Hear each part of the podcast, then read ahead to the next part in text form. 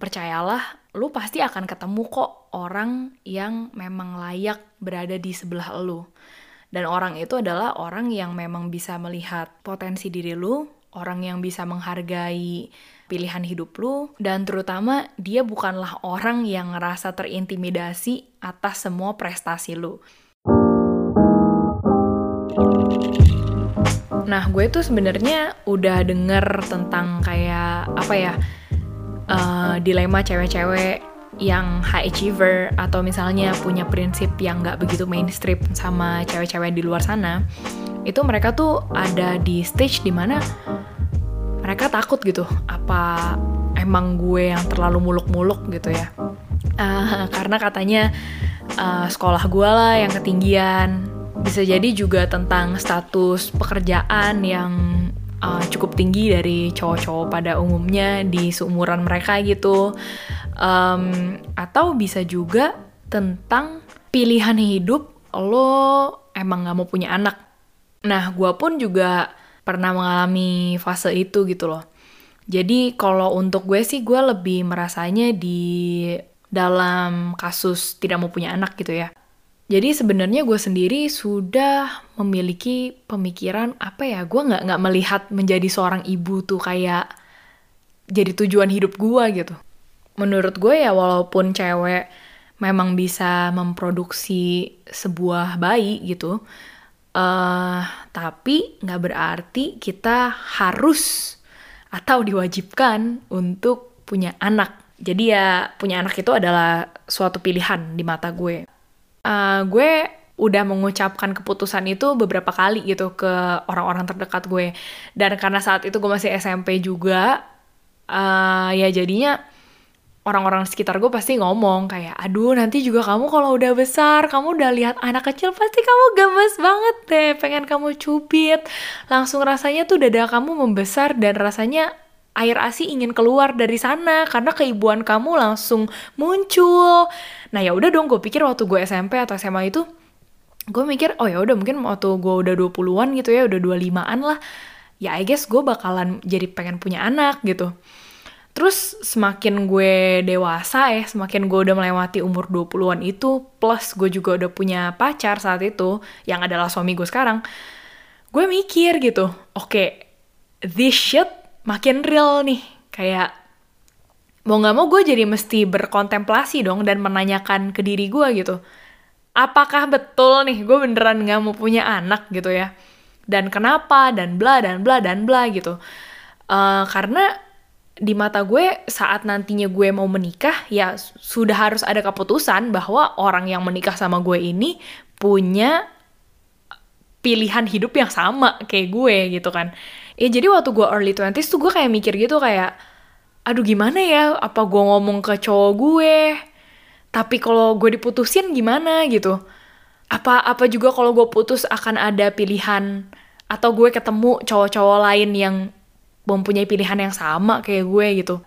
Sampai suatu ketika terjadilah conversation di mana gue sama cowok gue ngebahas tentang lo pas nikah mau punya anak atau enggak gitu dan singkat cerita, um, saat obrolan itu terjadi dan obrolan itu diinisiasi oleh pasangan gue, ya gue mau tidak mau berbicara apa adanya bahwa ya gue nggak mau gitu.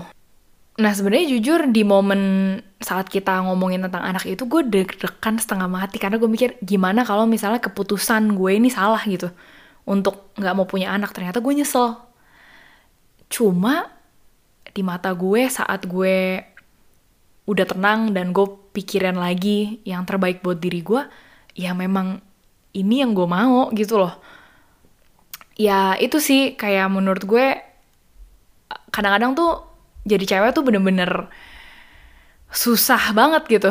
Karena kalau punya pilihan edukasinya mau tinggi, kerjaannya mau tinggi, gue nggak mau punya anak misalnya, kayaknya aduh dipikirnya lu muluk-muluk banget gitu. Ntar jodoh lu berat. Nah um, yang bisa gue bilang sih jangan sampai lu merendahkan standar lu. Karena lo takut akibat pressure dari orang-orang di sekitar lu. Uh, dan juga kalau misalnya memang lu udah berpacaran gitu sama seseorang dan ternyata along the way visi lu sama dia berubah, ya mendingan diomongin sekarang. Kalau misalnya memang harus putus, ya putusnya kan demi kebaikan bersama gitu kan. Toh dia bisa menemukan sosok yang lebih cocok dengan visinya dia, begitupun juga dengan lo gitu. Um, jadi sebagai penutup sih, gue cuma mau bilang tiga hal, yaitu yang pertama, uh, jangan pernah turunin standar lu kalau emang lu tahu itu memang pilihan hidup lu ya udah. Karena there's no such thing sama standar yang ketinggian. Terus jangan sampai lu jadi bela-belain berada di dalam uh, toxic relationship.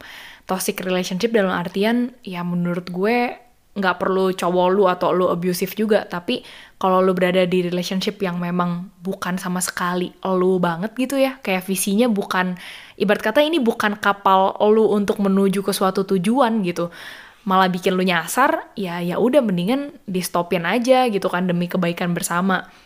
Ya contohnya gue bisa aja kan saat itu kalau gue takut banget gitu gue bilang sama cowok gue iya gue pengen punya anak sih. Gue pengen punya anak kok nggak apa-apa. Tapi nggak taunya pas udah nikah gue malah ngomong akhirnya baru ngaku nggak deh sebenernya gue nggak mau punya anak. Eh, kamu ketipu gitu.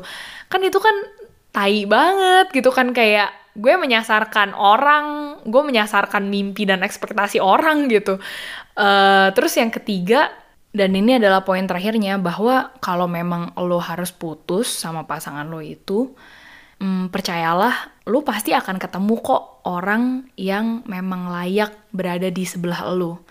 Dan orang itu adalah orang yang memang bisa melihat potensi diri lu, orang yang bisa menghargai pilihan hidup lu, dan terutama dia bukanlah orang yang ngerasa terintimidasi atas semua prestasi lu untuk perempuan-perempuan di luar sana yang katanya dibilang uh, terlalu high achiever lah, status kerja lu ketinggian, gaji lu kegedean, sekolah lo terlalu rumit, pilihan hidup lu terlalu muluk-muluk, uh, percayalah bahwa lo itu precious as you are and keep believing in yourself karena orang yang memang layak untuk berada di samping lo adalah orang yang bisa melihat potensi lo apa adanya tanpa memaksa lo untuk memberikan penjelasan ini dan itu.